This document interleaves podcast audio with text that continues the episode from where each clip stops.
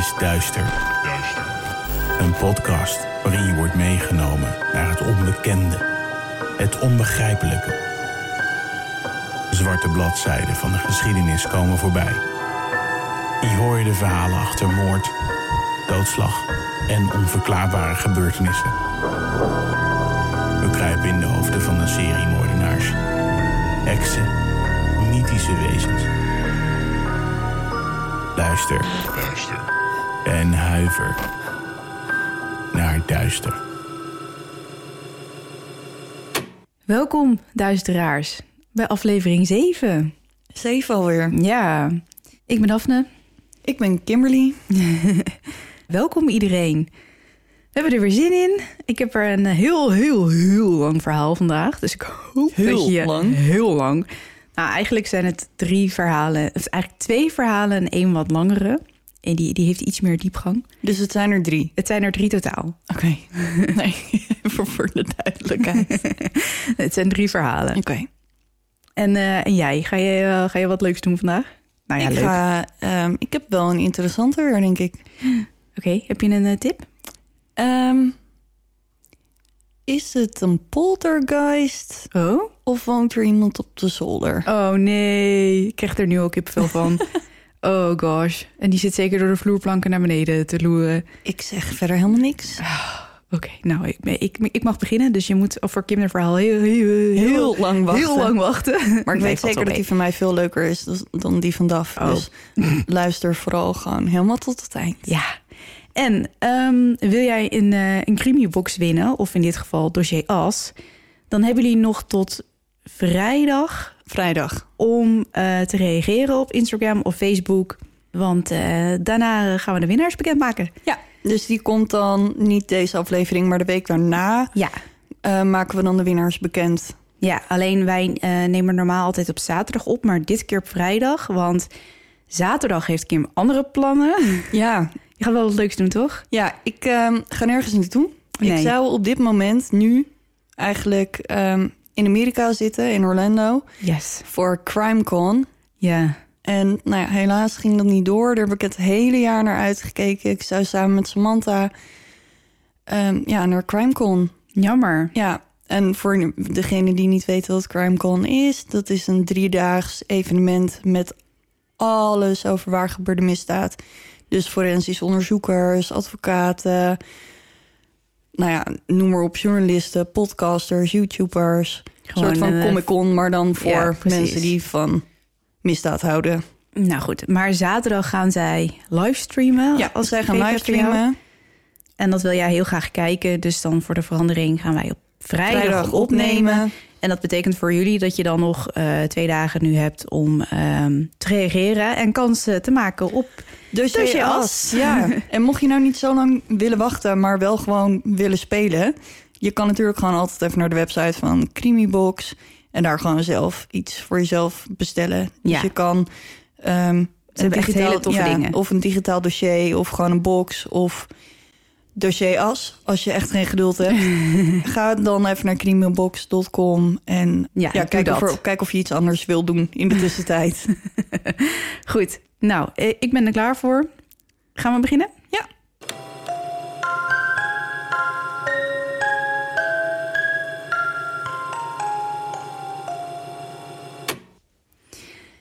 Goed, nou, ik mag dus weer eh, beginnen deze keer. Yes. En ehm, ja, jij weet het natuurlijk al. Ik heb een beetje treurig nieuws. Ja, Gisteren eh, overleed mijn eh, 18 jaar oude poes, die ik al, nou ja, zo lang bij me heb.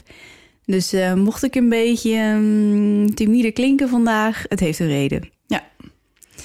Want de kleine poes is er niet meer. Nee, ik hoop dat ze komt spoken hier, dat mag.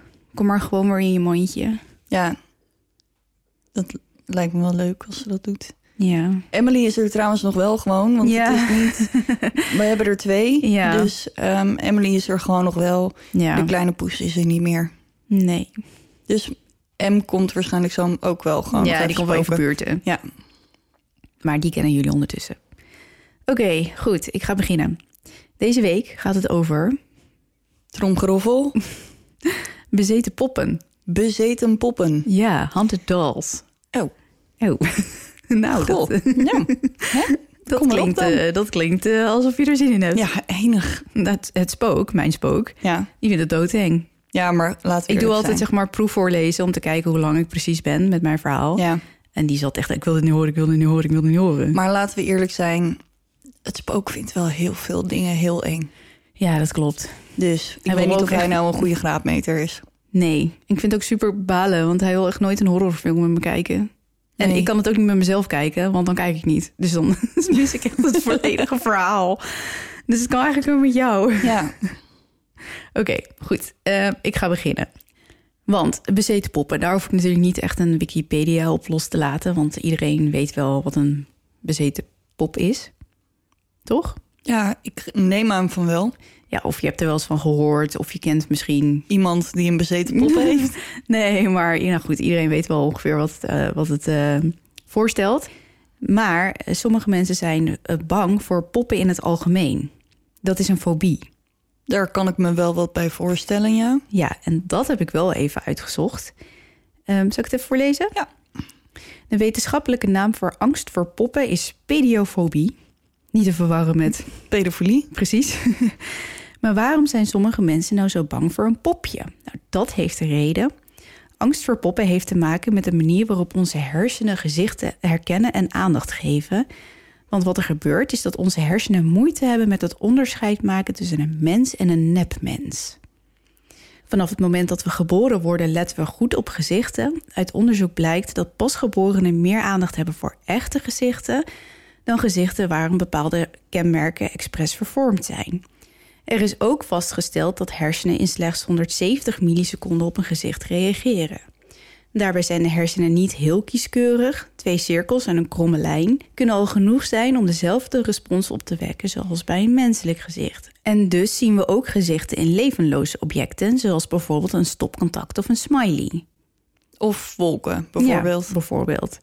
Bij poppen werkt dit net zo. Poppen lijken zo erg op een echt gezicht dat onze hersenen een reactie verwachten. En als we die niet krijgen, beginnen we ons ongemakkelijk te voelen. Onze hartslag stijgt, het lichaam maakt adrenaline aan. En bij mensen met pediofobie worden deze signalen van het lichaam verward met angst. Aha. Daarom doen horrorfilms zoals Chucky of Annabelle het zo goed, omdat ze ons voorstellingsvermogen van een duistere kracht die in een pop zou kunnen wonen, precies op de juiste manier laten zien. Oké, ja, dat verklaart wel het een en ander. Ja, toch? Ik Ja. las dit en dacht ik, ja, nou ja, ik snap het wel. Ja, Ik heb er zelf niet zo heel veel last van. ik ook niet. Ik weet Nou mijn- ja, het ligt eraan. Je hebt, het ligt er ook wel echt aan wat voor pop het is. Als het zo'n porseleinen pop is, dan in plaats van een babyborn. ja, nee, ja. Ja, Kinderpopjes heb ik sowieso niet zo. Nou, ja, ik weet nog, mijn tante spaarde vroeger trollen. ja, serieus. Tante Marie, als je dit hoort, ik kan me het nog perfect herinneren. maar die waren echt eng, jongen. Gewoon eng. Ik heb vroeger wel zelf trollen gemaakt. Oh, hoe doe je dat? Ja, weet ik niet, maar ik zat bij zo'n knutselclubje. En op een gegeven moment gingen we trollen maken. Trollen. Ja. Oké. Goed, een klein voorbeeld van waarom mensen poppen zo eng vinden... is het verhaal van La Pascualita. Mijn Spaans is niet echt fantastisch, maar...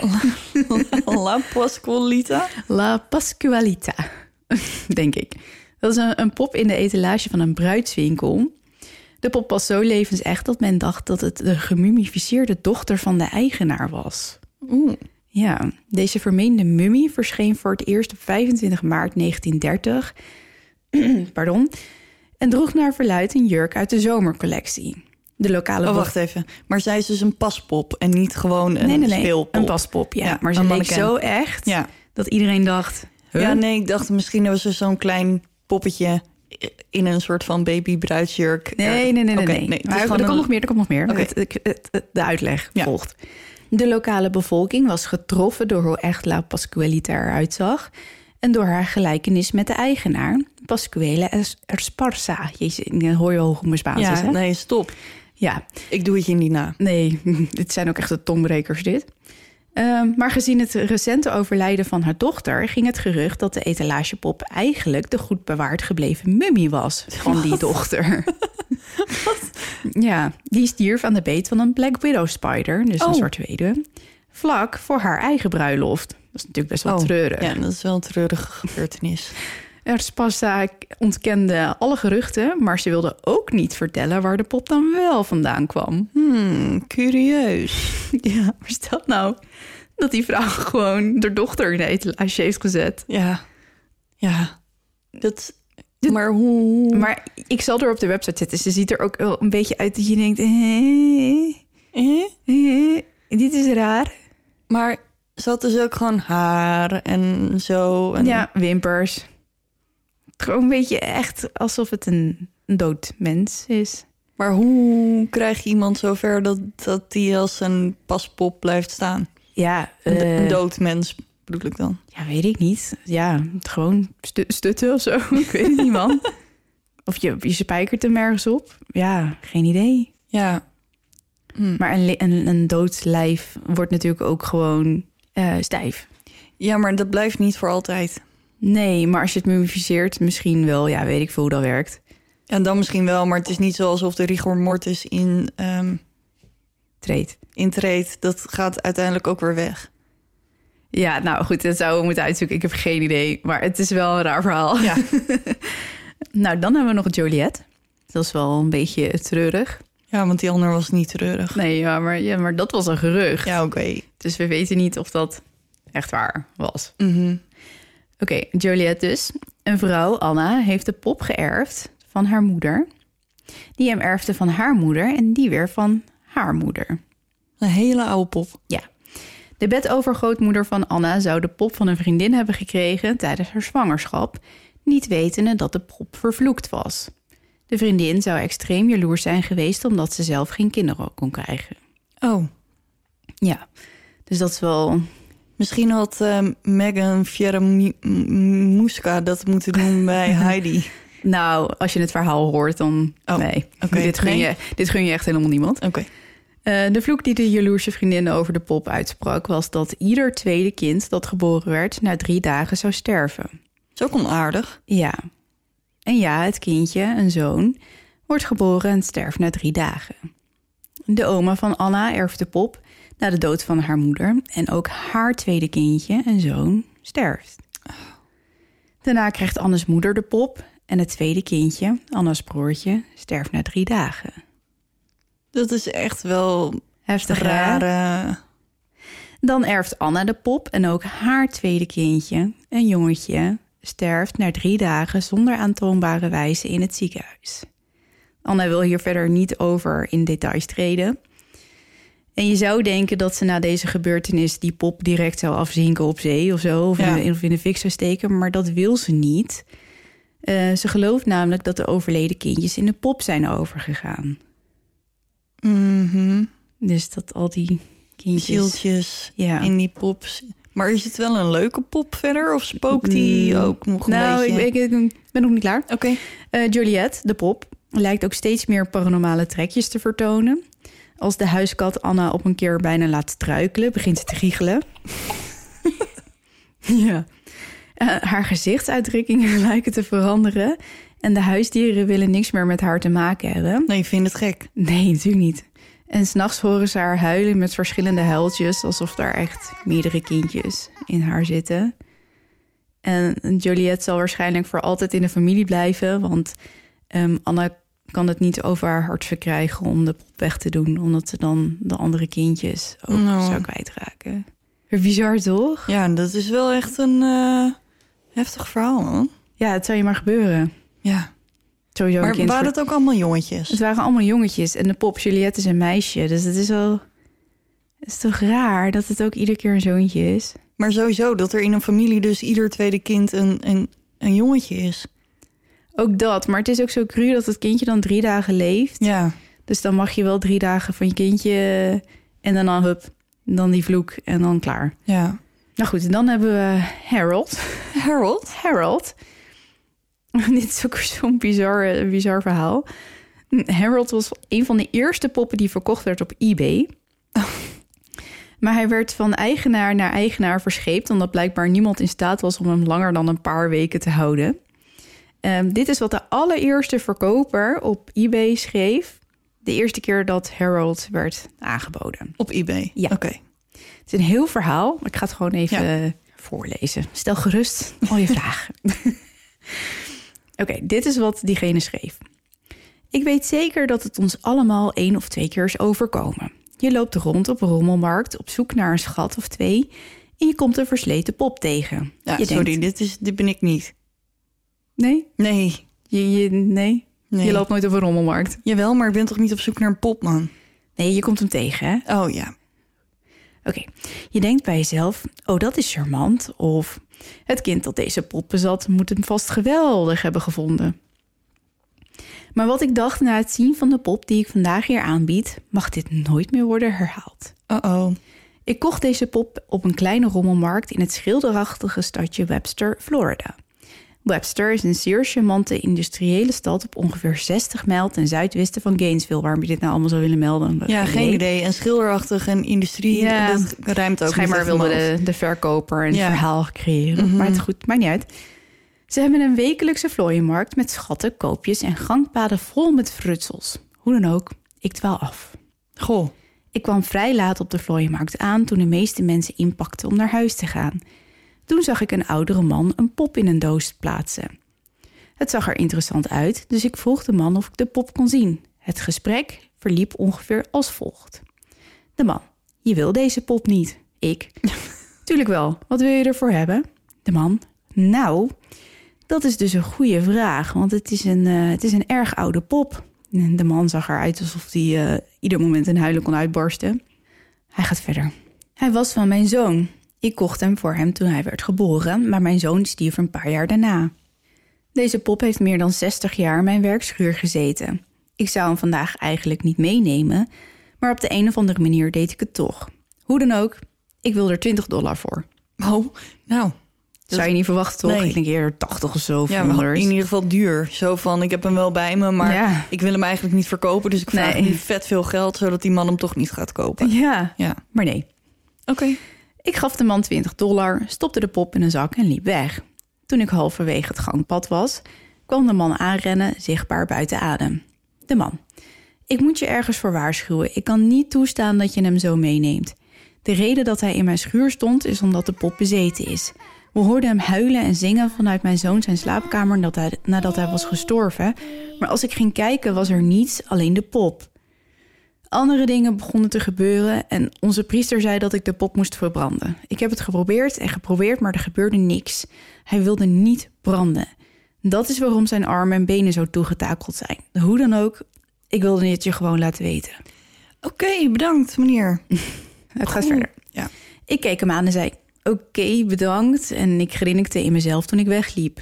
Nadat ik thuis kwam, is mijn leven niet meer hetzelfde geweest. Twee dagen later stierf mijn kat. Oh, nee. Ja. Dat wist ik eigenlijk vorige week toen ik dit schreef niet dat mij dit ook zou overkomen. Maar Ja. oké. Eh, En door. ja, mijn vriendin verliet me voor de zwembadman. Hoe cliché. Ik begon een chronische migraine te ontwikkelen en dit was slechts twee dagen na de aankoop van de pop. Een week later begon ik kinderen te horen lachen en huilen in mijn kelder. Elke keer als ik ging kijken was er niets. De pop heeft de afgelopen anderhalf jaar in een kist in mijn kelder gelegen en ik moet er vanaf. Ik geloof echt dat de pop vervloekt is. Soms raak ik hem aan en dan lijkt het net alsof hij een hartslag heeft. Maar misschien ben ik gewoon paranoïde of misschien ook niet. Hoe dan ook, de vervloekte pop is 53 centimeter lang. Zijn haar, hoofd, armen en benen zijn allemaal aanwezig, maar één arm zit los.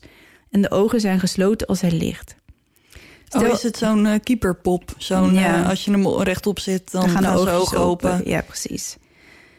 Stel alstublieft alle vragen voordat u op deze pop biedt. Ik heb hem sinds jaren uit de kist, dus als er deze week iets anders gebeurt, dan zal ik het zeker laten weten. Deze veiling wordt verkocht zoals het is, zonder teruggave. Alstublieft. Winnaar betaalt exacte verzendkosten en optionele verzekering. Bekijk mijn andere veilingen voor meer vintage verzamelobjecten en antiek. Disclaimer. Stel alle vragen voordat u biedt, zelfs als u denkt dat u zeker bent van uw zaak. Stel dan alstublieft nog steeds alle vragen voordat u biedt. Alstublieft. Bedankt voor het kijken en veel succes. Zo heftig, man. Wauw. Ja, nou, Maar ik moet zeggen, dit is wel dat je denkt... Hmm, misschien wil ik wel een behekste pop. Nou, we zijn nog niet klaar hoor. Dus ja, eh, nee, maar na, ik- na het lezen Harold wil je niet, denk die- ik. Maar nee, maar na het lezen van die advertentie... denk je, die man die heeft er zo'n mooi verhaal van gemaakt. Misschien is het wel echt, misschien is het nep. Misschien is het echt, misschien is het nep. ja, hij brengt je wel in een twijfeltoestand. Ja. Oké, nou, Harold is vanaf dat moment van eigenaar op eigenaar overgegaan. Eh, niet veel mensen hielden hem lang, dat zei ik al. Allemaal werden ze geterroriseerd, naar eigen zeggen, door Harold. Ze hoorden kinderen lachen of zingen, werden gebeten of gekrast. Door Of wat? Ja, door Harold. Maar gewoon uit... Dan Ja. hebben ze hem vast en dan bijt hij. Nee, nee, Of- nee, nee, nee, nee. Het is niet echt een levende pop. Maar dan, dan in één keer voelden ze pijn of zo, weet je wel. En dan keken ze en dan hadden ze echt zo'n bite mark. Oh ja. Harold ging langs talloze eigenaren totdat hij onder de voogdij van één man viel. In plaats van twee, maar dat, dat stond in, de, Ja, in, in je onderzoek. in mijn onderzoek. Eh, Anthony Quintana. Ik vind het een beetje een rare man, die Anthony. Maar goed, hij is nu de huidige eigenaar van Nog eh? Harold. Ja, nog steeds. Anthony kocht Harold en een aantal andere spookobjecten in de hoop een boek over zijn ervaringen te kunnen schrijven. Maar in eerste instantie deed Harold helemaal niks.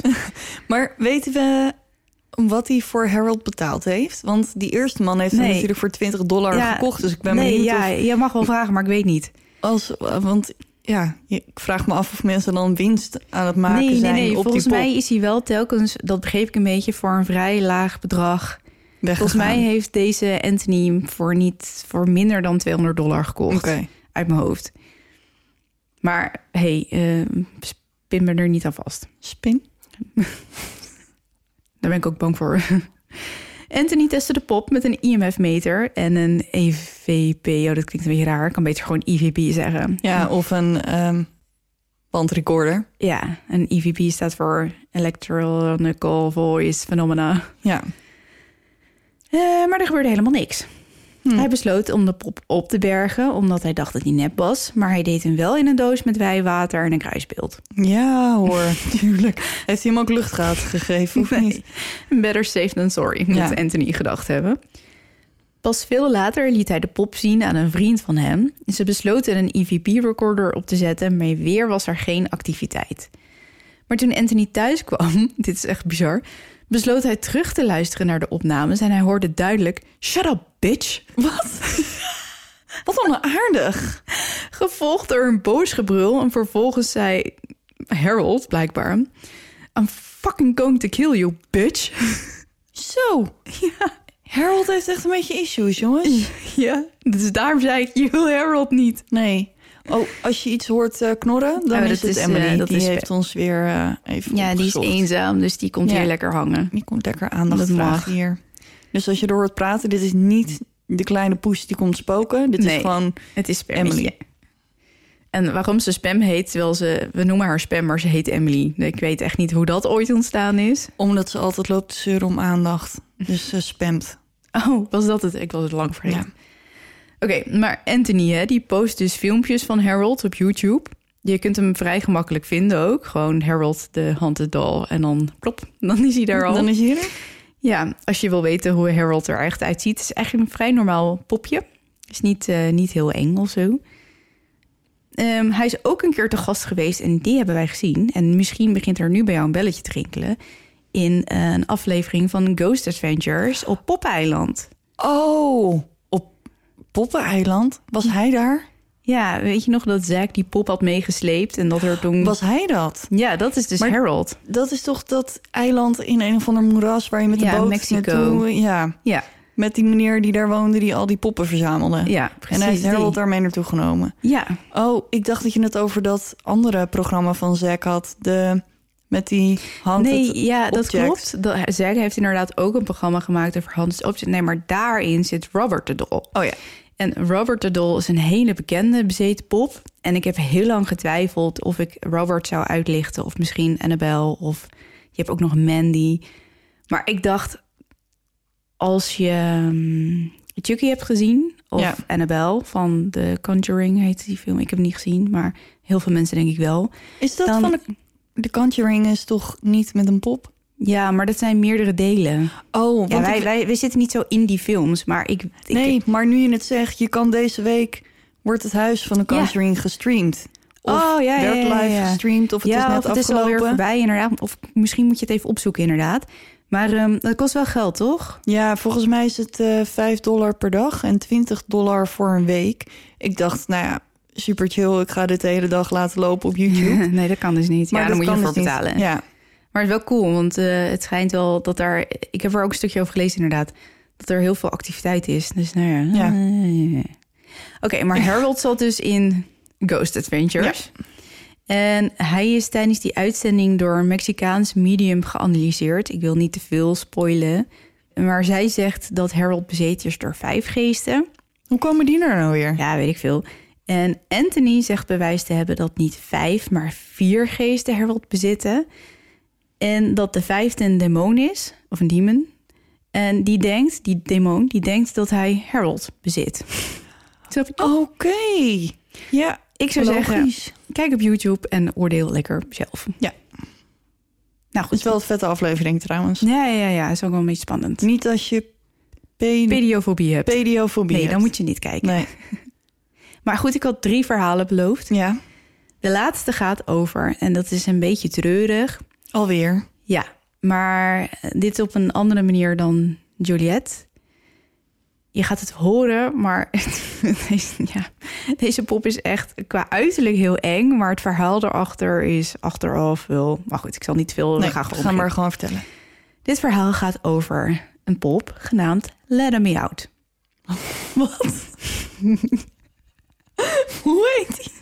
Let Me Out, als in Let Me Out. Ja, Laat me eruit. ja, ja. ja.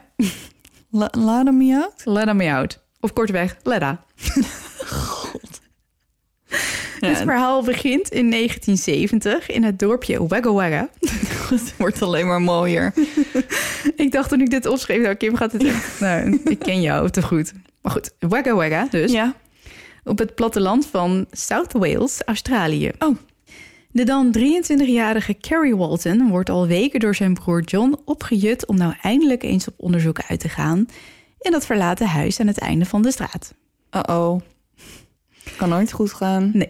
Het gerucht gaat dat er in dat huis de geest van een man zou zitten die kinderen vermoordt. Tuurlijk. Ja, en men zou hem hebben gezien eh, terwijl hij door de voortuin loopt en een zak achter zich aansleept met afgehakte hoofden erin. Dus een doorzichtige plastic zak, begrijp ik. Eh, Ik weet niet precies hoe men dat had zich voorgesteld, maar we zitten in 1970. ja, hè? oké. Toen zaten ze nog allemaal aan de drugs en de flower power.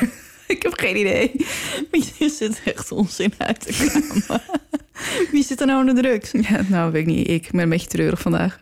Goed. Carrie, die al vanaf jongs af aan geobsedeerd is door het huis, besluit dus om mee te gaan.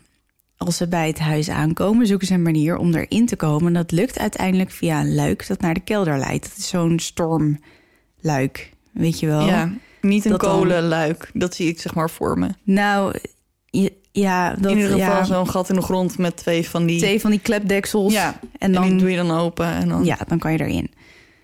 Eh, terwijl zijn broer naar de eerste verdieping dwaalt, besluit Carrie in de kelder onder de vloerpanken te kijken. Dat is ook zo raar. hoe kom je daar nou bij? Nou ja, op zich, als er iemand heeft gewoond die kinderen vermoordt... dan kan het zomaar zijn dat ze begraven zijn onder de kelderplanken. Ja, oké, oké. Het lukt hem om een paar planken los te wrikken en hij bukt zich om in het gat te kijken dat hij heeft gemaakt.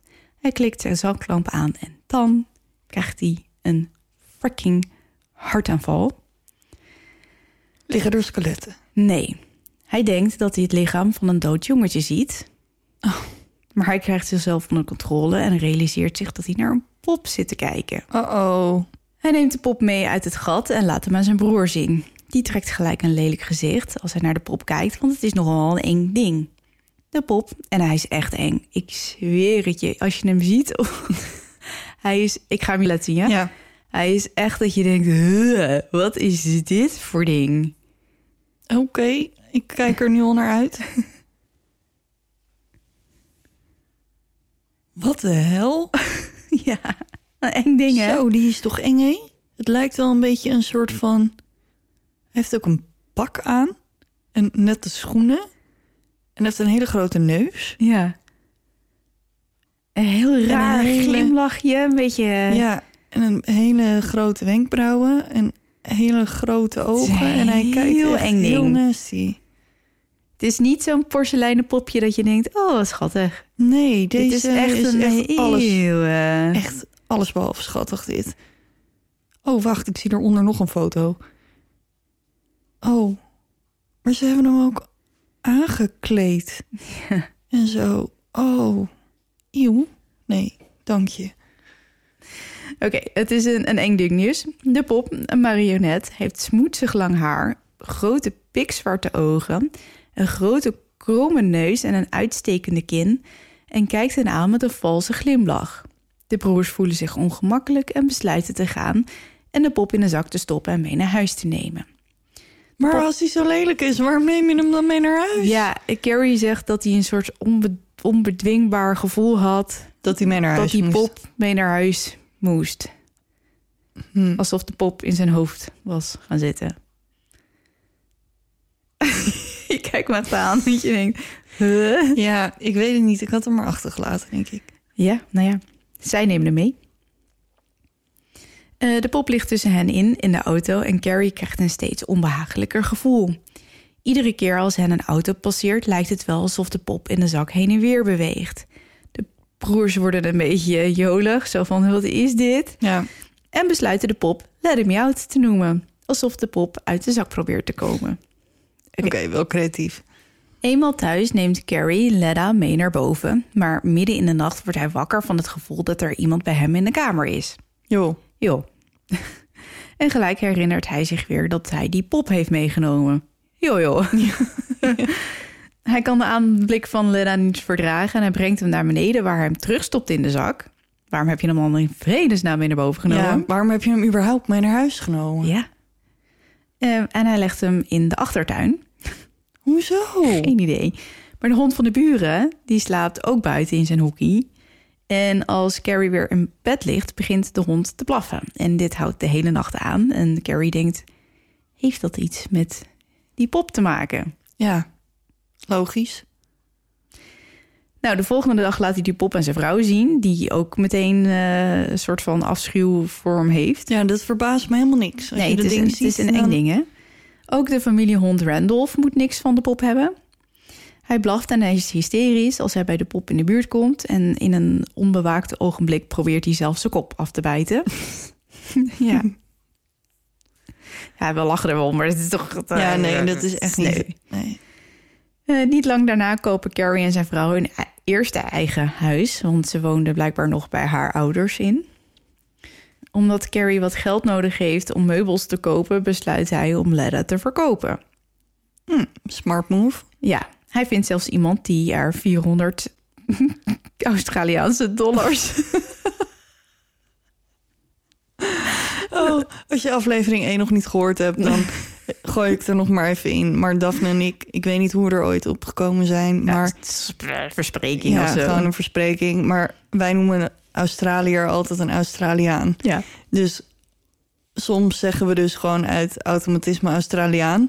Dus als je ons dat hoort zeggen en we corrigeren onszelf niet, dan bedoelen we dus een Australiër. Ja. Of in dit geval een Australische dollar. nou goed, Australische dollars dus. Eh 400 voor de pop. Zo, Ja. pittig. En eh, Carrie die vindt het natuurlijk al lang best. eh, gooit Leda in zijn auto en rijdt naar de koper. Maar eenmaal daar aangekomen voelt Carrie zich helemaal niet goed. Hij voelt zich alsof hij niet kan bewegen. Alsof hij vastgevroren zit. Hij noemde het zelfs als een ijspilaar. Een ijspiller. Zijn eigen woorden. En hij kan niet meer nadenken. Maar het enige wat er in zijn hoofd te binnen schiet is... de pop mag niet weg, de pop mag niet weg, de pop mag niet weg, de pop mag niet weg, de pop mag niet weg. Dus wat doet hij? Hij start de auto, maakt een Yui en hij rijdt terug naar huis. Met die pop. Oh, wat doe je? Waarom? Ja. Nou, thuis probeert Carrie die pop meerdere keren in de kelder te leggen, maar telkens voelt hij de behoefte om de pop bij zich in de buurt te houden. Op het moment dat Carrie de pop weer eens uit de kelder haalt, schrikt hij enorm. Het voelt alsof Leda een hartslag heeft. Carrie begint zich steeds meer af te vragen waar Leda dan vandaan zou kunnen komen. Zou ik, hem ook, ik zou dat echt meteen hebben onderzocht, maar oké, hij dus niet. Nee. En hij neemt hem dus mee naar het Sydney Museum. In de hoop dat een historicus hem meer kan vertellen. En ja hoor, hij wordt niet veel later teruggebeld door het museum. Ledda blijkt handgemaakt, zo'n 170 tot 200 jaar oud te zijn. Uh, dit heeft een onderzoeker kunnen afleiden aan de spijkers die gebruikt zijn in de voeten. Het haar is van echt mensenhaar. Jakkie. En de kleding die Ledda draagt is ongeveer 60 tot 80 jaar oud. Wat betekent dat die pop dus al heel erg lang in dat huis heeft gelegen. Liggen te liggen. Ja. Ook blijken er in de schedel een soort nagemaakte hersenen te zitten. Wat? Ja. En de historicus kan hem vertellen dat de pop uit Oost-Europa komt en waarschijnlijk is gemaakt door de zigeuners. Onder de indruk haalt Carrie de pop erop en neemt hem maar weer mee naar huis. Want wat moet hij er anders mee? In het museum laten? Ja, zou ik ook doen. Of zo? En dan zeg je, nee, maar kom iedere week even bij je kijken. Ja, ga jij maar lekker hier zitten in je displaytje. Ja, en, en, dan komen er de hele dag mensen naar je kijken. Ja, niks aan de hand. Alle aandacht, hoef je niet meer in de kelder. Nee. Nee, maar dat doet hij dus niet. Gemiste kans. Hij neemt hem weer mee. Maar in de weken die volgen beginnen er dingen te veranderen. Hoe kan het ook anders? De kinderen krijgen nachtmerries en zeggen dat ze Ledda horen zingen in een vreemde taal. Carrie wordt op een nacht wakker van schuifelende voetjes en denkt dat een van zijn kinderen wakker is geworden, maar als hij gaat kijken liggen ze allebei in een bedje. Oh no. Als Ledda in de kamer is bij de familie lijken soms zijn ogen van kleur te veranderen en ook de stand van zijn ogen is soms anders, alsof hij de familie door de kamer volgt. Steeds vaker wordt de pop op een andere plek teruggevonden dan waar hij is achtergelaten en bewegen zijn voeten soms uit zichzelf. Ook knallen gloeilampen ineens uit elkaar of valt ineens de stroom uit. Telkens staan alle klokken in het huis stil, zelfs met nieuwe batterijen. Dan doen ze het nog niet. En als Carrie uh, Ledda mee naar buiten neemt, begint het altijd te regenen. Echt altijd. maar dat is wel echt heel gek. Altijd. Zodra hij die pop mee naar buiten neemt, begint het te regenen. Ook al maar waarom, het... waarom neemt hij die pop mee naar buiten? Weet ik veel. Ja. Gaat hij hem uitlaten? Gaat hij lekker een wandelingetje, lekker blokje om? Hij is een soort van helemaal... Eén, één samengesmolten met die pop. Vrienden van de familie die Ledda voor het eerst zien... moeten spontaan overgeven. Dan zou ik toch echt wel denken... Yo. Dit is echt niet oké. En één vriendin valt zelfs flauw. Bij het zien van, van Ledda. Ja. ja omdat de situatie in Huizenwalten negatiever lijkt te worden, joh, besluit Carrie om Lena mee te nemen naar Medium. Lekker op tijd. Ja, had ik ook al lang gedaan. Maar dat is dan toch een van de eerste dingen ja, die je doet? Nee, tuurlijk. Of eerst naar een priester en ja. wijwater en dan naar Medium. Ja, maar je laat dat ding toch, zeg maar, ja, de historie onderzoeken, maar toch ook spiritueel. Je wilt toch weten wat er in dat ding zit als je je zo voelt? Ja, dat lijkt me wel, ja. Oké, nou Kisha dus, die houdt een seance om meer over Ledda te weten te komen. En Ledda blijkt inderdaad bij de zigeuners vandaan te komen. En Kisha ontdekt dat in Ledda de ziel van een jongetje huist, een zesjarig yogi. Uh, die is verdronken. Oh. Zielig, hè? Ja. Weten we ook hoe die is verdronken? Nee, dat weet ze niet. Maar dat zou wel kunnen verklaren waarom het altijd gaat regenen. Als, als hij naar buiten als gaat. Hij naar buiten gaat. Uh, de vader van het jongetje was zo kapot van verdriet... dat hij de pop naar het evenbeeld van zijn zoon maakte. Zelfs het haar van zijn dode zoon knipte en dat op de pop aanbracht. Dus het is echt zijn haar? Ja, waarschijnlijk wel. Um, zo hoopte hij dat de ziel van zijn zoon zou voortleven in de pop. En toen de man oud werd, gaf hij de pop aan een ander kind met de opdracht er altijd voor te zorgen. Mm. Dus Ledda is waarschijnlijk van kind naar kind naar, naar kind, kind overgegaan. overgegaan. Nou ja. Maar goed, de zigeuners geloven dus inderdaad dat de ziel van overleden personen over kunnen gaan in poppen om zo voor te kunnen leven. En de vader van het overleden kind gaf de pop hersens, dus aanhalingstekens, zodat zijn zoon zou kunnen blijven denken en voelen. En Kisha voelt ook, dus wel sneu, dat de vader die Leda maakte verstoten werd door de groep mensen waar hij woonde. Ze scholden hem uit en ze sloegen hem omdat hij de pop zou hebben vervloekt, omdat hij te veel op de overleden zoon zou lijken. Waarom zou je dat nou doen? Ja. Die jongen, die, die man, die mist gewoon zijn kind. Als dit nou helpt. Ja. Nou ja, dat is waarschijnlijk wel de reden waarom Leda zoveel verdriet met zich meebracht. Brengt. Ja. Nou ja, na dit alles krijgt Leda Meow steeds meer bekendheid en verschijnt Carrie steeds vaker in televisie-interviews. En ook komen er journalisten bij het huis van Carrie langs, omdat ze Leda wel in het echt willen zien. Mhm. We hebben het hier over begin jaren 80. Dus mensen hadden nog niet zoveel gehoord van Haunted Dolls. Tenminste, Misschien wel gehoord, maar niet gezien. ja, nee, de laatste was volgens mij Robert de Dal, die echt uit 1920 of zo ergens, 23 geloof ik uit mijn hoofd.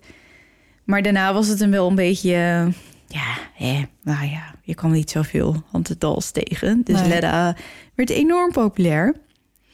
Maar Ledda, die lijkt het helemaal niet zo fijn te vinden. En steeds vaker gaan er tijdens interviews camera's stuk of breken er gloeilampen. En dat is wel heel cool, want op YouTube staan wel filmpjes waarbij Carrie Ledda vast heeft dat tijdens een interview dan een keer pats, dan klapt er zo'n gloeilamp. Gloeilamp uit elkaar. Ja, maar dat kun je wel vrij makkelijk terugzien als je dat leuk lijkt.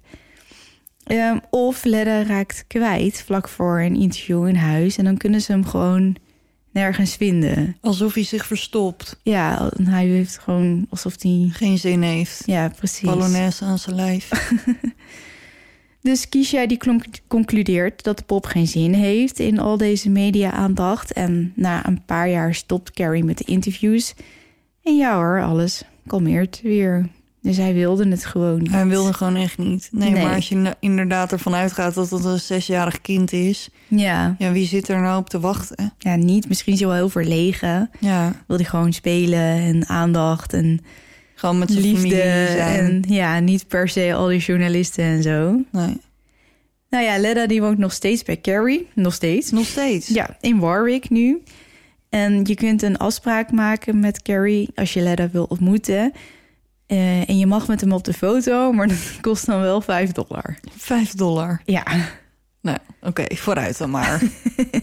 zou je dat doen met Ledda op de foto? nee, ik vind hem echt heel eng. Ja, hij is ook echt heel eng. Tenminste, ik vind hem niet per se, maar hij ziet er gewoon niet uit. Nee, Hij is gewoon echt niet aantrekkelijk. nee, het is niet een pop die je denkt... nou, die neem ik eens even lekker eh mee naar huis. Nou, Carrie dacht dat blijkbaar wel. Ja, Carrie is een beetje raar. ja. Nou, dat was het. Ja, een goed verhaal, man. Ja. Wist je wat over bezeten poppen? Of ken je andere? Ja, ik ken er wel een paar. En ik dacht ook eigenlijk dat je die misschien zou gaan doen. Maar ehm, ja, dan heb ik het over eh, Robert de Dol. Mhm. Peggy is er. Peggy, ja. ehm, Annabelle. Ja. Ja, die drie Je hebt eigenlijk. ook Mandy. En eh, Emily, of Emily is, is er ook één. Maar weet je wat het is? Ehm, al die poppen hebben niet echt een... Niet echt, dat is Emily weer hoor, de poes. Die hebben niet echt achtergrondinformatie of zo, weet je wel. Dat, dat, en Die dit zijn er dan opeens en die hebben dan in één keer een spook. Ja, nou, dit, dit verhaal van Let Me Out is bijna 50 jaar oud. Dus er is natuurlijk al heel lang heel veel informatie. En Carrie heeft natuurlijk heel veel interviews Ja. gegeven. Maar bij de meeste pop is het... Heb je zo'n tijdlijn van ja, eh, dit gebeurde en dat. En eh, toen raakte die bezeten en toen werden er mensen gebeten. Maar je kan niet echt de, de backstory vinden of zo. maar van deze Robert heeft dat toch wel? Ja, Robert wel. Dat klopt. En daarvan is ook heel goed eh, beschreven van wat er nou precies gebeurde. Dat komt uit 1923 of zo. ja, hij is wel echt heel oud. Ja. Maar eh, dus als, als het je leuk lijkt, dan zou ik Robert zeker even opzoeken of zo op YouTube. Ja. En hij zit ook nog. ehm, ja, in dat, volgens mij hadden we het er net al even over. Maar dat programma van Zack die ja. normaal Ghost Adventures doet... hij heeft ook een, hij heeft een museum Mhm. in Las Vegas, volgens mij. Ah, vast wel. Ja. Ik weet niet precies. en daar heeft hij dus, daar verzamelt hij allemaal haunted Ja, en- voorwerpen. klopt. En in die uitzendingen ligt hij dan steeds een paar van zijn voorwerpen uit. Of er komen mensen met bespookte objecten. Ja, die komen ze dan brengen en dan gaat hij eh, Ja, het tentoonstellen. of Of gaat hij even een goed hij gaat- gesprek mee ja, voeren. Gaat het, gaat het inderdaad eerst testen of zo? Ja, Of het werkt. En dan gaat Ja. hij het in een kamer zetten. Het ja het is echt, het is weer typisch Zack Bagans. Ja, maar goed, die kan je volgens mij wel gewoon op YouTube vinden. eh. Ja, Het volgens heet, mij hebben wij ehm, daar ook gewoon gekeken. Deadly, Deadly. Eh, possessions. Deadly, Deadly Possessions. Possessions, ja. ja. ja, ja, En, en Robert de Doll zit daar inderdaad in. ook in. Dus dat is wel een leuke aanvulling als je dan toch bezig Ja, bent, bent met Robert. luisteren. Dan, dan kun je gelijk eh Zack Bagans even meepikken. Ja, Zou je zelf een bezeten pop willen nee, hebben? dank je. Niet? Nee, Nee? nee. Oh, ik ook niet hoor trouwens. Ik zag wel zo van nee, nee. Nee, alsof Ja, maar jij wil, jij wil zo graag een paranormale ervaring. Ja, maar ik hoef het niet zo in mijn huis als in een object of zo. Niet? Nee. Nou ja, weet je, ik ben natuurlijk in verwachting. Oh, ben je in verwachting? Moet je ons iets vertellen? Nou ja, jij weet het natuurlijk al, Ja. maar goed, de We krijgen ook. een baby. Jee. En met we bedoel ik zeg maar Daphne en der man en ik Ja, ook. jij ook. Ik claim dat graag als mijn eigen baby. Dat mag hoor. Nee, maar stel dat het een meisje wordt, dan wil ze natuurlijk met popjes spelen. Of met boten of Ja, eh, mag, ook- mag ook, maakt maakt me allemaal niet zoveel uit. Maar stel nou, ja, dat ze dan iets krijgt waarvan je denkt, oh god, wat, dit is niet goed. Dan ben je eigenlijk al, dan is het eigenlijk al te laat, denk ik. Denk je niet? Ja. Maar ja, van wie verwacht jij nou Ja, weet ik veel. hoe... Stel nou dat je, een er Barbie één krijgt koopt. tijdens je zwangerschap. Ja, dan zou ik toch wel even twee keer nadenken nu dat verhaal naar Joliette, weet je wel. Ja, maar ik heb jou, ik heb je andere kind toch ook gewoon knuffels gegeven en zo. Ja, maar die had je gewoon uit een winkel. Daar Ja? zit niet een heel geschiedenis achter van een ander kind of zo. Nee. Maar wat nou als je zometeen, wat jij zegt, ja, zometeen dan krijg ik iets van iemand voor Ja, mijn nieuwe baby. Ja ik weet het niet. Misschien nu na deze uitzending toch een beetje... eh, Geef me de bal, dan kan ik zien waar die vandaan komt. Ja, nou ja, ik was toch al niet van plan om een baby shower te organiseren. Nee, ik, ik heb al begrepen dat ik hem niet krijg. Geef niet hoor. Ik heb echt heel leuk gehad bij de eerste. En dat was ook wel prima. En er kan nu toch niemand komen in deze tijd. Nee. Dus wat dat betreft. Nee, als het nog lang zo duurt, niet. Nee. Nee. We zijn in oktober uitgerekend. Ja. Dus we hopen dat het tegen die tijd. eh, Ja, doen we dan wel een leuk feestje. ja. Nou, dit was hem. Ja, Ja. Ben je Oh. klaar voor de jouwe? ja. Ik hoop dat jij klaar bent voor de mijne. ja. Oké, we gaan beginnen. Yes.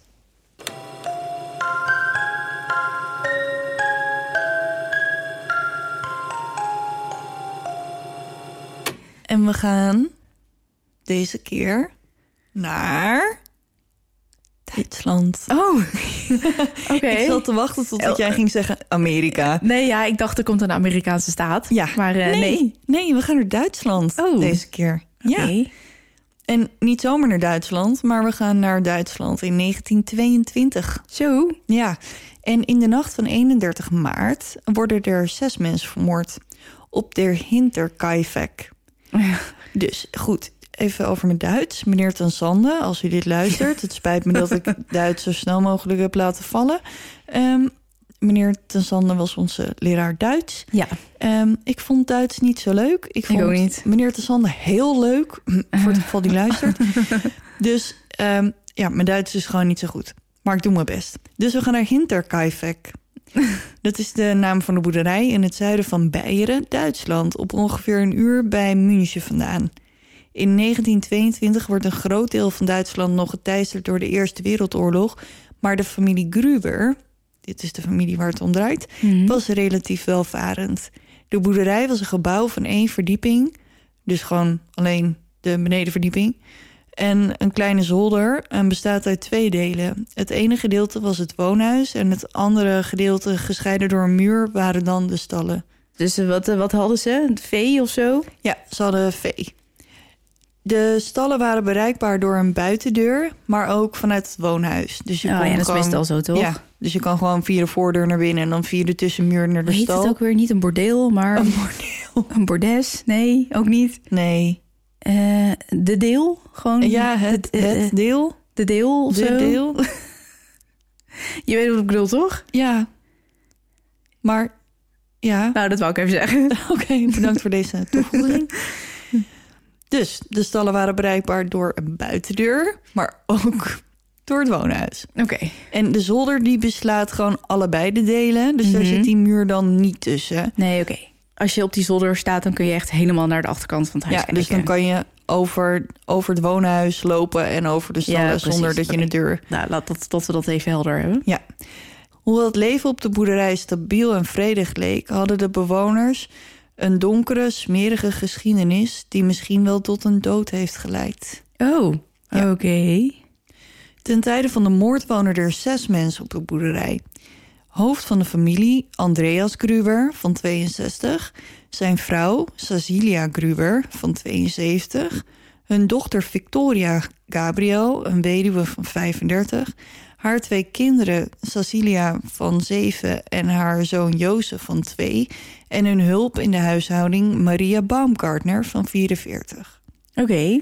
vol gezin dus. Ja, en ik wil eventjes... ehm, in het verhaal komt seksueel geweld voor. Dus ben je daar gevoelig voor of wil je daar liever niet naar luisteren? Kijk dan eventjes in de beschrijving van de aflevering. Ja, Want dan maken we daar even een timestamp. En dan kan je daar gewoon naartoe skippen. dan hoef je dit, En dan kan je, kan je dit gewoon overslaan. En Ja, dan kan je daarna gewoon de rest van het verhaal wel volgen. Want het, ik begin nu even met de geschiedenis. En dan, daar komt dat in voor. Oh, maar ja. voor de misdaad zelf Ja, eh, kan je gewoon doorspoelen naar dat stukje. En dan kan je het daar gewoon oppakken. oké. Nou, goed om te weten. Het was onder de buren van de boerderij geen geheim dat Andreas zijn dochter vanaf haar zestiende regelmatig verkrachtte. Oh, Ja. In maart 1914 probeert Victoria aan haar vader te ontsnappen door te trouwen met een man genaamd Carl Gabriel.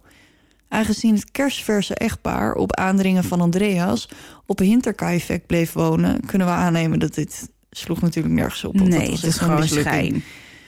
Ja, want zolang zij nog onder dat dak zit, Dan blijft die vader blijft lekker zijn gang gaan. Ja. En het wordt nog erger, want in augustus van het jaar sluit Carl zich aan bij het leger en dan wordt hij uitgezonden naar Frankrijk. Dus dan is hij helemaal weg. Dus hij is weg en zij zit er nog in het huis met haar Oh, vader. God. Ja. In december dat jaar krijgt Victoria het bericht dat haar man vermist is en waarschijnlijk Nee. is overleden. Oh jee. En zijn lichaam is nooit gevonden. Maar in januari 1915 bevalt Victoria van haar eerste dochter, die ze vernoemt naar haar moeder, Cecilia. Maar de vader? Hoewel haar echtgenoot officieel de vader was, werd Andreas de voogd van het kleine meisje. Oh jee. Maar of wie er nou precies de vader is, Dat weten we dat niet. weten we niet. We gaan er dus ja, vanuit dat het, De, haar eigen vader was. ja, of de echtgenoot, denk ik. Ja, Ja, ik toch niet. wel? Ja, het kan alle twee. Ja, het is lastig natuurlijk. Ja. In mei 1915 betrapt een bediende per ongeluk Andreas en Victoria terwijl hij haar verkracht.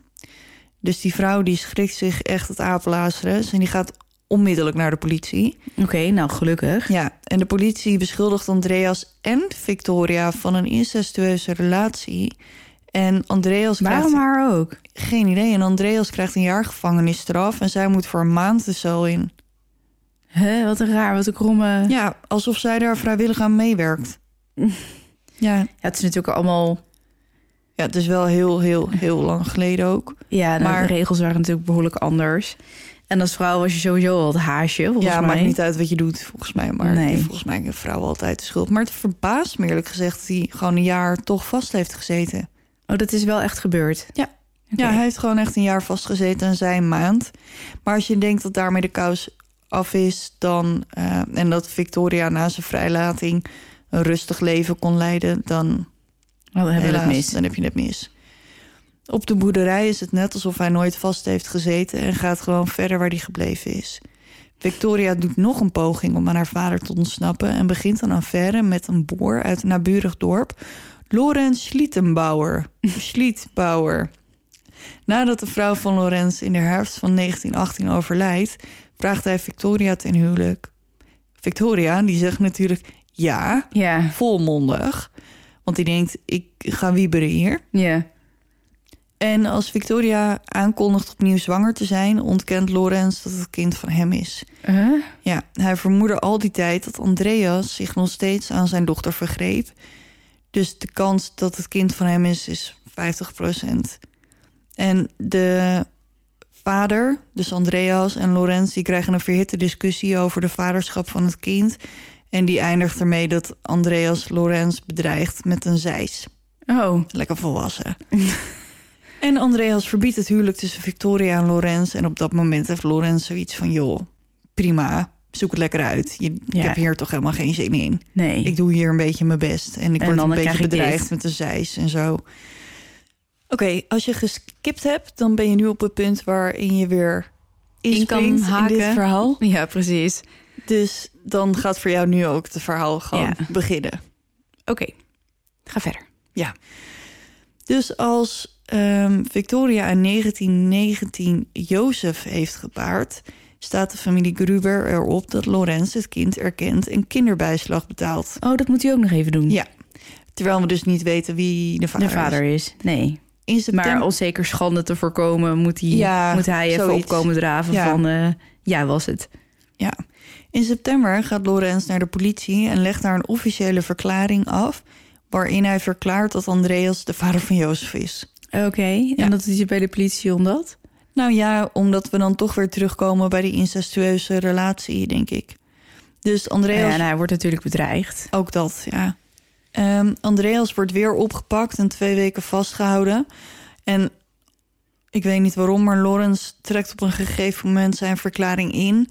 En Andreas wordt vrijgelaten. Niet lang nadat hij zijn verklaring ehm, intrekt, trouwt hij met een andere vrouw. En het leven op Hinterkaifeck gaat weer verder zoals voorheen. Joepie. Ja, want het was zo leuk en gezellig. Nee, het klinkt als een hele duistere... Ja, kan niet heel... ehm, en vooral voor Victoria. Ja, Niet heel heel fijn moet zij hebben gehad. Ja. Maar dan in maart 1922 gebeurt er iets opmerkelijks. Sophie Fuchs, Fuchs, Fuchs en haar moeder wandelen in het bos in de buurt van Hinterkaifeck... als ze Victoria huilend en oncontroleerbaar trillend langs de weg zien zitten. Oh god, oh god. Ja, ik heb zo te doen met dat meisje. Ja. Vrouw is dus 35. Ze proberen haar te troosten, maar dat heeft geen effect. Victoria lijkt heel bang voor iets te zijn, maar ze wil niet vertellen wat dat dan is. Hm. Het enige wat ze blijft herhalen is dat ze weg moet lopen van huis. Sophie en haar moeder weten op een gegeven moment ook niet meer wat ze moeten doen. En ze besluiten om dan maar Victoria naar huis te sturen. Zo van, joh, hè, ga dan maar gewoon naar huis. Want Het kind zit te huilen dat ze niet naar huis wil. Ja. En dan sturen we er lekker naar huis. Ja, want dat is heel logisch. Mhm. Maar ja, aan de andere kant, wat moet je anders? Als je daar, je kan daar moeilijk zes uur blijven staan met iemand die... Ja, neem er mee naar je eigen huis, weet ik veel. Ja, Toch? Ja. Maar kon ze niet duidelijk maken dat ze daar gewoon weg moest? ik denk dat ze dat niet durfde te vertellen. Nee, dat is natuurlijk wel heftig ook. Ja. Later herinneren de vrienden van Victoria zich dat ze hen verteld heeft dat ze een man in een legerjas aan de rand van het bos had gezien die naar de boerderij stond te kijken. Maar als ze dan naar hem toe liep, eh, verdween die. Maar was dit dan hetgene wat Victoria zo bang maakte? Of was het dan toch wat anders? Hm. Zou ze overstuur geweest zijn omdat er een vreemde man in de tuin stond? Ja, dat is wel gek, ja. Ik, als ik zo over de leven hoor, is er genoeg aan de hand om er verder verdrietig te maken. Maar Ja. dat zou dus kunnen. Ja, precies. En dan is het 30 maart en dan gebeurt er weer wat raars. Andreas die vindt een krant in huis, maar dat is dan een krant die de familie zelf helemaal niet leest. Oh, dat is gek. Ja, en ze hebben hem ook niet meer naar huis genomen. Hm. Ook ontdekt hij dat het slot op de stal gebroken is. En alsof dat nog niet genoeg is, ziet hij buiten in de sneeuw voetstappen vanaf het bos naar de schuur. Maar hij Hmm. ziet nergens voetstappen die van de schuur teruggaan naar het bos. Een paar dagen daarvoor was er een eh, sleutelbos verdwenen. Dus zou de boerderij dan een indringer hebben? Dat lijkt me wel, toch? kan. Er was alleen helemaal niks gestolen. Dus waarom zou je dat dan doen? Hmm. Ja, maar dat hadden we de Marie Celeste ook. Ja. en nog diezelfde avond denkt de familie voetstappen te horen op zolder. Ja, joh. Ja. Ja, echt waar. Ja, ik geloof Ja. je. Het was meer voor ons de verbazing. De volgende ochtend onderzoekt Andreas het hele huis. Hij vindt niemand, maar ontdekt wel dat er op de hele zolder stro is verspreid. Alsof iemand zijn voetstappen wilde dempen. Oh. Dus een lekker laagje, zodat je niet Ja, zo ja, loopt ja. te stampen. Later die ochtend gaan Andreas en Victoria samen boodschappen doen... en ze vertellen allebei aan kennis over die rare gebeurtenissen op de boerderij. Ja, gezellig samen boodschappen doen. Ja, tussen haakjes. Ja. Ze vonden het alle twee wel raar, maar waren verder niet zo geschrokken of gealarmeerd dat ze dachten van goh, we gaan naar de politie. Rond de tijd dat Andreas en Victoria thuiskomen, arriveert net een nieuwe dienstmeisje. Maria Baumgartner en haar zus Francisca. Het vorige dienstmeisje was in maart vertrokken en nu komt Maria haar plaats innemen.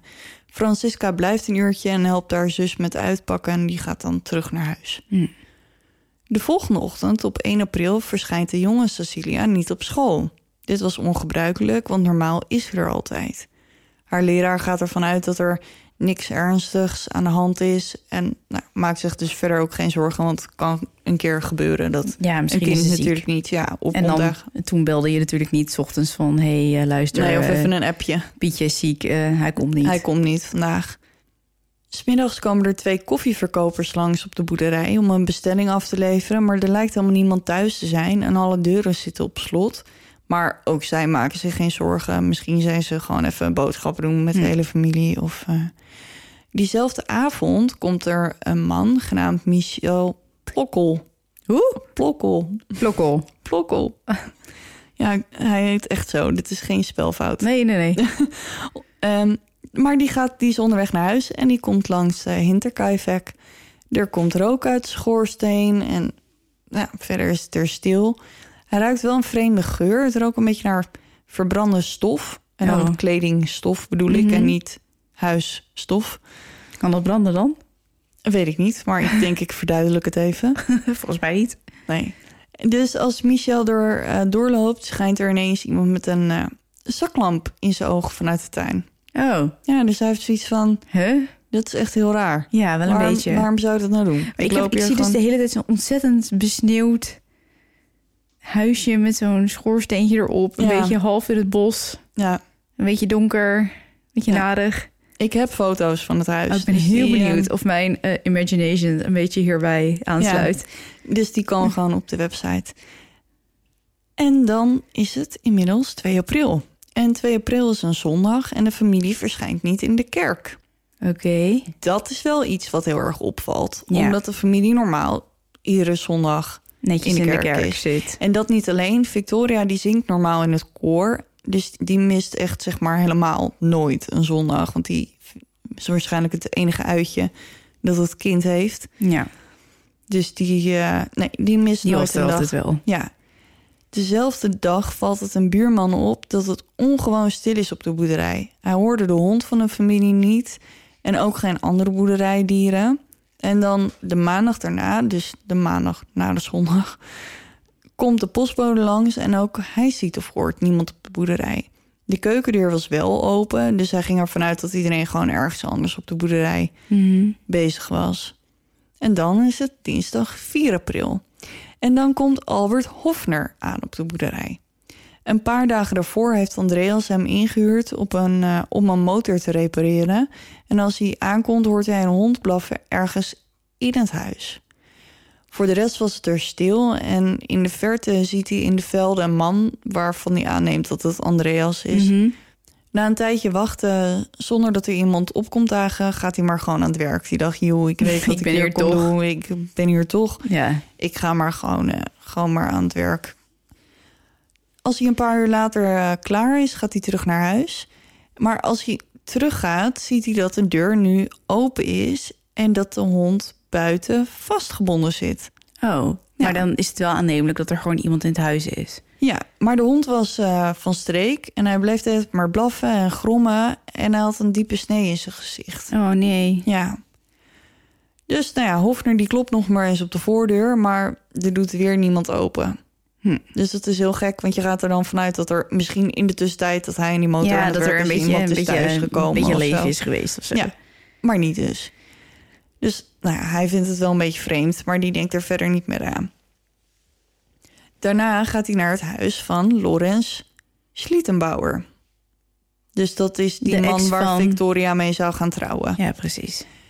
Dus daar vertelt hij het verhaal. En nou, dat het zo vreemd was en dat er helemaal niemand op de boerderij was. En hij vertelt het dan aan nog een paar mensen, maar niemand lijkt het vreemd te vinden. De enige die zich wel zorgen lijkt te maken is Lorenz. Als hij later hoort wat Albert Hofner heeft gezegd, roept hij gelijk zijn zoons Johan en Jozef bij zich. En zij gaan dan samen naar Hinterkaifeck om te kijken of ze iemand kunnen vinden. Maar hoe oud zijn die zoons dan? Dat weet ik niet. Maar ik toch wel neem- geruime tijd later dus.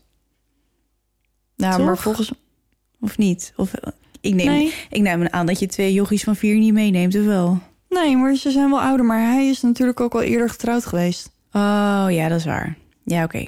Want zijn eerste vrouw ver- overlijdt in 1918, geloof ik, zei Ja, ik net. Dus ik neem aan dat dit gewoon in ieder geval tieners of volwassen Ja, kerels... precies. ik denk niet dat ze vier en zes waren. Dus zij gaan eh, naar Hinterkaifeck om te kijken. Even later zijn ze weer terug met het nieuws dat de boerderij leeg en stil is... dat alle deuren op slot zitten en in complete duisternis is gehuld. Oké. Ja, eh, ja ik, ik dacht dat je ging zeggen dat ze allemaal dood waren, maar niet dus. Ehm, daarna gaat Lorenz naar twee van zijn buren. Michel Poel en Jozef Siegel. Ik weet niet, er zitten hier in dit verhaal zes Jozefsen. Oh, verwarrend. Ja, en twee Cecilia's. dus het wordt allemaal ehm, een beetje verwarrend, denk ik. Ja, we gaan proberen of we het kunnen blijven volgen. Ja. En anders vraag ik het wel. Ja, maar wat zegt die Lorenz nou? Jo, jongens, kom even mee, want ik ben bang dat Andreas zichzelf heeft verhangen. Oh, waarom dat dan? Ja, omdat hij natuurlijk weet van de geschiedenis op dat Ja, met zijn dochter. En ja. Of, maar ja, waarom de rest van de familie dan ook niet reageert, dat is me dan een raadsel. ja. Maar goed, de mannen besluiten om met z'n drieën de boerderij grondig te doorzoeken. En als ze dan bij Hinterkaifeck aankomen, zien ze dat de staldeur wijd open staat. Dus ze gaan maar naar binnen, want alles was dicht toen Lorenz daar met zijn Mhm. zoons was. Wat de mannen zien in het schijnsel van hun lantaars is veel en veel en veel erger dan zelfmoord. De schuur is veranderd in een menselijk slachthuis. Ze vinden de lichamen van Andreas, Victoria en de twee Cecilia's opgestapeld in een hoek van de schuur, Jeetje. gedeeltelijk, gedeeltelijk bedekt met stro. Hun schedels waren allemaal opengespleten met een zwaar wapen, zoiets als een bijl waarschijnlijk. Wow. Ja, en ze hebben allemaal meerdere klappen gehad, maar Victoria lijkt het meest toegetakeld te zijn. Kleine Cecilia lijkt nog een tijd in leven te zijn geweest. Oh nee. Ja, want in haar handjes vinden ze plukken van haar eigen haar... die ze Oh. uit haar eigen hoofd heeft getrokken. Nee. Dus ze gaan ervan uit dat ze zo in paniek is geweest... dat ze gewoon... dat ze gewoon haar eigen haar uit haar hoofd heeft getrokken. En de autopsie wijst later uit dat Victoria's schedel open is gebarsten... door de aanval en dat ze daarna ook nog eens een keer is gewurgd. Ja, tuurlijk. Ja, Want vorige week wel. Dood was nog niet dood, blijkbaar. Nee, ze kunnen niet dood genoeg zijn, blijkbaar. De oudere Cecilia heeft minstens zeven klappen met het wapen gekregen. En het gezicht van Andreas is zo kapot geslagen dat zijn jukbeenderen bloot lagen. Jeetje, Mina. Ja, dus er zat gewoon helemaal geen vel meer op. Dus Lorenz die gaat naar de achterdeur, want we missen natuurlijk nog ehm, Het zoontje. het zoontje, Jozef, Mhm. en de bediende. Dus Lorenz gaat naar de achterdeur, waar nu ineens de sleutels in zitten. Hè? Ja, en die doet de deur open. De drie verbijsterde mannen die gaan er binnen en ja, logischerwijs vrezen voor de rest van het gezin. Ja. En al snel vinden ze de kleine Jozef in zijn ledikant waar Oh, iemand hem dood heeft geslagen. Oh god, oh god. Ook vinden ze het verminkte lichaam van de nieuwe bediende, Maria Baumgartner, in haar eigen kamer net naast de keuken. Haar koffer is nog steeds niet helemaal uitgepakt, wat suggereert dat ze niet lang na haar aankomst is vermoord. Anders dan bij de rest van de familie zijn Maria en Jozef met een enkele klap uitgeschakeld. Dus waar de oudere leden in het gezin gewoon echt bruut geslacht zijn, Mhm. zijn zij vol. Ja, het lijkt meer gewoon alsof het. Ze moesten dood, Even snel. even snel. Terwijl, Geen getuigen ja, terwijl de haat meer echt gericht lijkt te zijn op, op de volwassenen. op de volwassenen. En dat dit meer een soort van bijkomstigheid was, dat ze er vanaf moesten.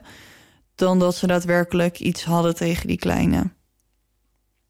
En de bedienen. Mhm. Die was er net pas. En dan op het eerste gezicht lijkt de familie ook helemaal niet beroofd te zijn. Geld en sieraden lagen nog gewoon in het huis. Het enige wat er wel gestolen lijkt te zijn... is de inhoud van Victoria's eh, portemonnee... want die lag leeg op haar bed. Maar daar is dus wel alles uit. Maar voor de rest, al het geld en zo, was er gewoon allemaal nog. Dus ze gaan verder door het huis... en dan vinden ze in de kelder een karkas van een dier. Dus ik weet niet of het dan een koe of een varken was... maar gewoon een Mhm. dier voor de slacht. En daar was dan recent nog vlees uitgesneden. Dus het lijkt er dan op dat er iemand nog niet zo lang geleden vlees uit heeft gesneden en dat het dan de moordenaar was. Want er is al natuurlijk al een paar dagen niks van de hele familie vernomen. Maar wat ik me afvraag, hè, als je met vier volwassenen in dat huis zit, hoe kan die persoon in zijn eentje dat voor elkaar hebben gekregen? Want ik neem aan dat als, jij, als wij hier met z'n drieën worden aangevallen, dat er nog zeker twee man zijn. Ik kom zo even op je vraag terug. Oké, ja, is goed. Ja. Maar goed, ze gaan er dus vanuit dat de moordenaar zich veilig genoeg heeft gevoeld om gewoon op de boerderij te blijven en dus gewoon lekker te eten en eh, Ja, gewoon een ja. beetje rond te hangen daar. Dan gaan ze naar zolder en daar vinden ze etensrestige, etensresten en menselijk, eh, menselijke uitwerpselen. Dus nou ja, we gaan er dus nu vanuit dat er iemand op zolder heeft gebivakkeerd. Hm. Maar wordt het niet eens tijd om de politie eh, erbij te halen? Nou ja, ze zijn dus nog op zoek naar of ze iemand kunnen vinden daar.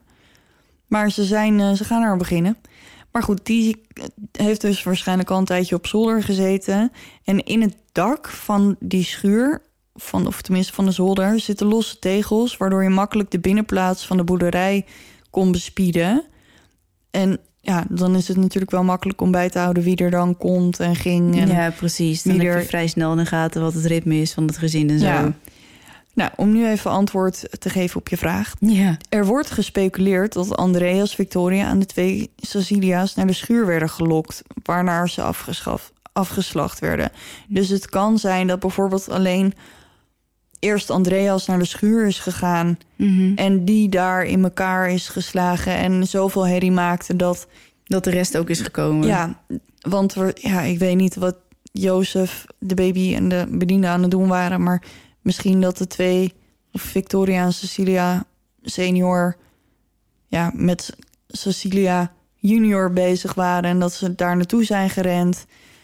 Ja, en als je eerst iemand uitschakelt met één klap, dan is die ander ook niet, eh, ja. Nee, die is natuurlijk al zo half Ja. in paniek. Ja, en dan heb je ook nog je kind bij je. Stel dat senior eerst is gegaan en Victoria daar met die baby op de arm heeft gestaan.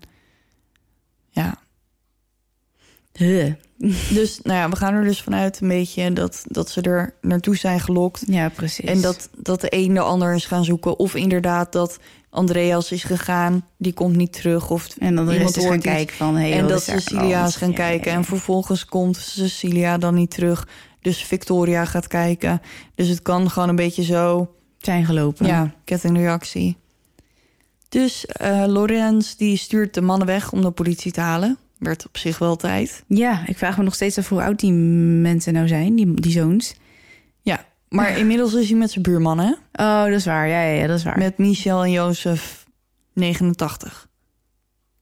En dan Ah. niet zijn leeftijd. Maar we hebben toch zoveel Jozefen. Ja, ja, ja, ja. Ik denk al, huh? Dus de, arrive- de agenten arriveren al gauw. En een paar uur later komt er nog meer politie vanuit München. En de nachtmerrie die zich op Hinterkaifeck had afgespeeld... verspreidde zich al snel door het dorp. Want nou ja, zo gaat dat natuurlijk in een Mhm. dorp.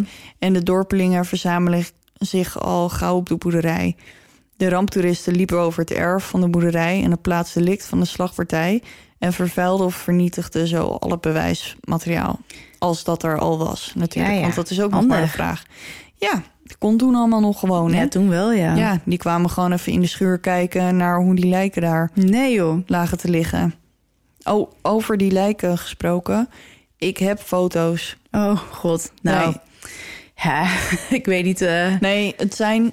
ehm, Je ziet geen gezichten of zo. Je ziet verder ook geen bloed. Maar je ziet wel dat ze in het stro in de schuur liggen. Jeetje, Mina. Dus ik zet ze wel op de website. Oké. Ja, ga ik wel doen. ja, toch wel? Ja, ja, ik vind ze zelf niet heel heftig. Want je ziet geen gezichten. Je ziet alleen benen Oké. en stro. Ja, maar je verbeelding maakt natuurlijk wel het plaatje af. Ja, Helemaal na dit verhaal. ja. Nou ja. Maar het, ik weet wel dat het ehm, wel een soort van normaal... Nou ja, normaal niet. Maar ehm, bij hele heftige moorden of zo... of criminelen die dan eh, geëxecuteerd werden in die Mhm. tijd... die werden nogal eens ge- gedisplayed. Ja, En mensen vonden het echt top om naar ja te kijken gewoon of zo. entertainment. Ja. Ja, wij hebben Netflix en zij hadden verhangen. ja, bizar hè? Maar dat je gewoon met het hele dorp uitloopt om te kijken hoe iemand... Hoe een heel gezin uitgemoord is. Ja, Oeh, kijk nou. ja, oh kijk. Ja, maar aan de andere kant, wij doen hier precies toch hetzelfde. Ik bedoel niet wij, maar ik bedoel meer met eh, een ongeluk op de snelweg. Dat iedereen aan de andere kant lekker langzaam Zo'n gaat rijden. Ja, dan krijg je een kijkersfile. Of als er iemand op de grond in elkaar is gezakt... gaat ook iedereen door me heen staan kijken. Ja, dat is wel een beetje zo. Ja, en wij kunnen het tegenwoordig ook nog eens allemaal filmen, Ja, dat is nog erger. delen en zo. Waar die behoefte vandaan komt, is dat echt een niet. raadsel. Nee, dat heb ik. Nou ja, nee. Ik krijg. Ik heb wel altijd dat ik als ik iets heel ergs ehm, heb gezien, dat ik het dan zeg of zo. Zo van, nou, wat ik nou vandaag heb gezien. Ja, Maar ik ga het niet filmen. Ten eerste omdat het echt bescheiden irritant is voor iedereen om je heen. En ten tweede, het is gewoon niet nodig. nee. Nee, dus dat ben ik het helemaal mee eens. Maar goed, ehm, het had verder niet uitgemaakt of er wel of niet... of tenminste, het had misschien wel uitgemaakt... maar het onderzoek loopt ook echt vanaf moment één vast. Oh, Ja, want ze hebben geen ehm, moordwapen. Ze hebben geen voor de hand liggend motief of ooggetuigen. Dus ja, leken deze bruut moorden voorbestemd om voor altijd een mysterie te blijven. Ondanks alles doet de politie hard zijn best om de moordenaar te vinden. In de jaren die volgen ondervragen ze honderden mensen en analyseren ze obsessief alle bewijzen die ze konden vinden. Uiteindelijk worden ze zo wanhopig dat ze zelfs de hoofden van de slachtoffers verwijderden en naar een helderziende immuunsje stuurden. wow. Ja. en nou las ik ook nog dat iemand, dat de arts die had het geleerd bij zijn nieuwe fancy op, eh, opleiding, dat het ook helpt om de hoofden te verwijderen voordat je ze begraaft voor later onderzoek. Ik weet niet waar dat goed voor is. Nee, dat weet ik ook niet. Maar goed, in dit geval kwam het dus mooi uit. Want die Ja. hoofden die gingen dus naar München naar een helderziende. En die eh, helderziende die verklaart dat er twee moordenaars waren. Twee? En, ja, dat het moordwapen ergens op het terrein verborgen ligt. Oh, Aangezien de geesten niet met adresgegevens van de daders op de proppen kwamen... Niet. was het alleen maar tijdverspilling. Nee, is toch jammer? nou hoezo? Ik zou gaan zoeken. Ja, dat hebben ze ook wel gedaan. Maar ze hebben niks gevonden. Oh, Dus het was alleen maar tijdverspilling. hmm. De politie had wel een lijst met verdachten natuurlijk. En Lorenz Schlittenbauer stond bovenaan. Brom. Hij heeft het toch alleen maar gevonden? Ja, maar zijn vijandige band met Andreas bijvoorbeeld. En blijkbaar was hij ook onnatuurlijk kalm... waarop hij reageerde toen hij de slachtoffers... waarvan er één zijn ex-geliefde... en de andere ehm, nou, misschien zijn kind vond. Naar eigen zeggen bezocht hij de boerderij maar een keer of twee... maar hij wist in de boerderij verdomd goed zijn weg door het huis te vinden...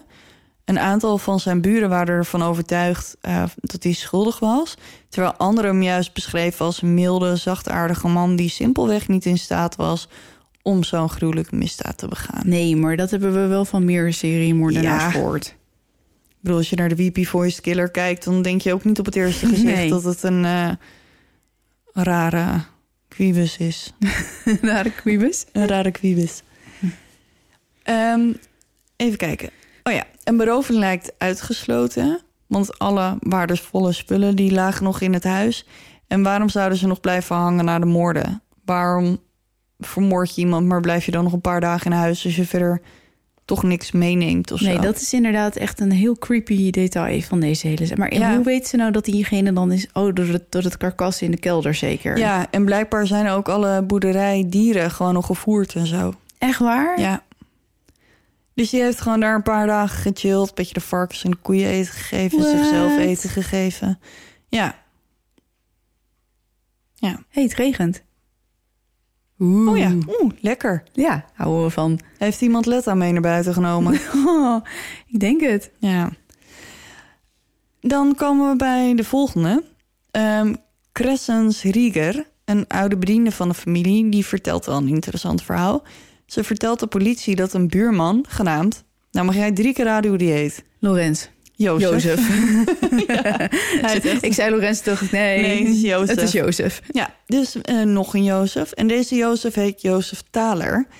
En hij heeft haar meerdere malen geprobeerd te verleiden... tijdens de tijd dat ze eh, op de boerderij werkte. Oké. En volgens haar is hij vertrouwd met de indeling van het huis. En hij heeft haar een keer verteld dat hij wist dat Andreas... grote sommen geld op de boerderij verborgen hield... en dat hij ook precies wist waar. Oké. Jozef en zijn broer, Andreas, Nee. God de god. waren inbrekers. Oh, Ja. En zo Jan detail. Ja, en, maar Andreas is dus de broer van Jozef Thaler... en niet Andreas Gruber, de vader van de familie. Ja, ja, ja, ja dat snap Snappen we het ja, nog? Ja, ja, zeker. Oké. En dat, is, dat zijn de buren, zeg maar. Ja, die wonen ergens daar in het dorp ook. Ja, precies. En een paar maanden voor de moord had Andreas Gruber... ehm, de broers Jozef en Andreas betrapt... terwijl ze probeerden spullen van de boerderij te stelen... waarna die hen met een geweer van zijn erf afjoeg. Oké. Ja, maar als zij het waren geweest... waarom is de boerderij dan weer niet leeggeroofd? Dan neem je toch alles wat los en vast zit mee... Ja, maar dan... Ja, oké. Ja, maar dan zou, zouden ze misschien ook gelijk de verdenking direct op zichzelf hebben gelegd. Maar wat hebben ze gedaan? Alleen de portemonnee van Victoria is leeg. Nee, als ze dat hadden gedaan. Ja, oké. Maar dan nog. Ik vind het heel raar. dan hebben we nog een hele...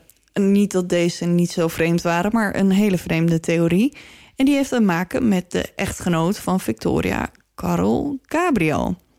Want er werd namelijk gespeculeerd dat hij misschien helemaal niet werd gedood in de strijd. Dat hij terug was gekomen. Maar ze had toch een man gezien met een uniform aan? Dat klopt. Toen dacht ik al, dat is de geest van haar man. Ja, alleen was het een geest. Nou, misschien niet dan. Nee, Maar maar waarom zou die terugkomen en de hele familie uitmoorden? Nou, dat was dus ook een ehm, vraag. Want waarom zou je dat inderdaad doen? Maar er zijn dus meerdere collega's van Carl die zweren dat ze hem dood hebben zien gaan in de loopgraven daar in Frankrijk. Dus de kans dat hij het maar hij echt was is, toch vermist? ja, maar waarschijnlijk vermoord. En als zijn collega's die later terug zijn gekomen, die zweren op hun graf dat Nou, maar dat geloof ik dan wel. dat hij echt dood is. Ja. Dus nou ja, de kans dat het Carl is, is klein. is klein. En op een gegeven moment, en ik snapte dit niet helemaal... op een gegeven moment ehm, beginnen de nabestaanden van Carl... een rechtszaak tegen de nabestaanden van de Grubers. Maar dat is verder niet zo heel interessant. Wat wel interessant is, dat de familie van Carl Hinterkaifeck in een bezit krijgt. Oh, Dus hoe dat hoe dus en dat dan waarom? is? en waarom, dat weet ik ook niet. Maar goed, de... even samenvatten. Dit is dus de dode man van Victoria, Ja, zijn familie. ja precies. Dus van haar familie naar die rechtszaak dit huis gekregen. Is het niet zo dat zij misschien rechtmatig erfgename was van haar vader... en omdat zij getrouwd was met hem... dat haar vermogen dan direct overgaat naar hem op het moment dat zij sterft? Ja, weet ik niet, maar hij was al dood. Dus Ja, maar het is nu toch ook zo... Stel je koopt zijn. samen een huis en Ja. je, je legt dat niet vast... en een van de twee sterft, dan gaat het deel van je... naar zijn van- familie of haar Precies. familie. Ja, Toch? ja, dat kan. Misschien dat het een beetje... dat het toen ook al zo Ja, was. maar ik vond verder die hele rechtszaak niet interessant genoeg Nee, om het nee, helemaal nee, uit te pluizen. Maar goed, dat huis dat ehm, gaat dus naar de familie van Carl. En na een jaar besluiten ze om Hinterkaifeck te slopen. En dan tijdens de sloop van de boerderij vinden ze onder een valse vloer bij de open haard het moordwapen. Nee joh. Ja, ja, Maar hebben ze dat... Ja het is een soort van Oh, bijl. daar, is, daar is Emily trouwens weer hoor. Ja. Als je denkt, huh? Die komt naar binnen. Maar het moordwapen dus. Ja, dat is een soort van bijlachtig ehm, geval. Een belachtig geval? Ja, het heet een mattock, geloof ik. En het lijkt op een, op een gewone bijl. Oké, nooit veel gehoord. Met deze nieuwe vondst leidt de hoop de moordenaars te pakken te krijgen natuurlijk weer gewoon helemaal op. Maar helaas, het brengt de politie geen stap verder. De politie gaat tot 1985 door met het onderzoeken van aanwijzingen en ondervragingen. Maar deze gruwelijke massamoord wordt nooit opgelost. Nee. In 2007 heeft een politieacademie onderzoek gedaan naar deze moorden. Maar ook zij kwamen niet tot de conclusie dat er iets. eh dit is gewoon echt te lang geleden. Jammer. En je had natuurlijk niet eh, misschien wel DNA op het moordwapen, maar daar heb je verder niks aan als je geen verdachte hebt. Nee. Of überhaupt DNA uit die tijd. Ja, die kans is erg klein. Jeetje, Ja, heftig man. Maar die heeft dus gewoon op die zolder. ja een beetje liggen loeren. Zijn kans Ah, afgewacht, naar. denk ik. Dat, is wel, dat zou ik echt heel eng vinden. Je hoort inderdaad wel meer verhalen van moordenaars die dan op zolder bivakeren. Ja, Daar krijg ik echt de creeps van. ja.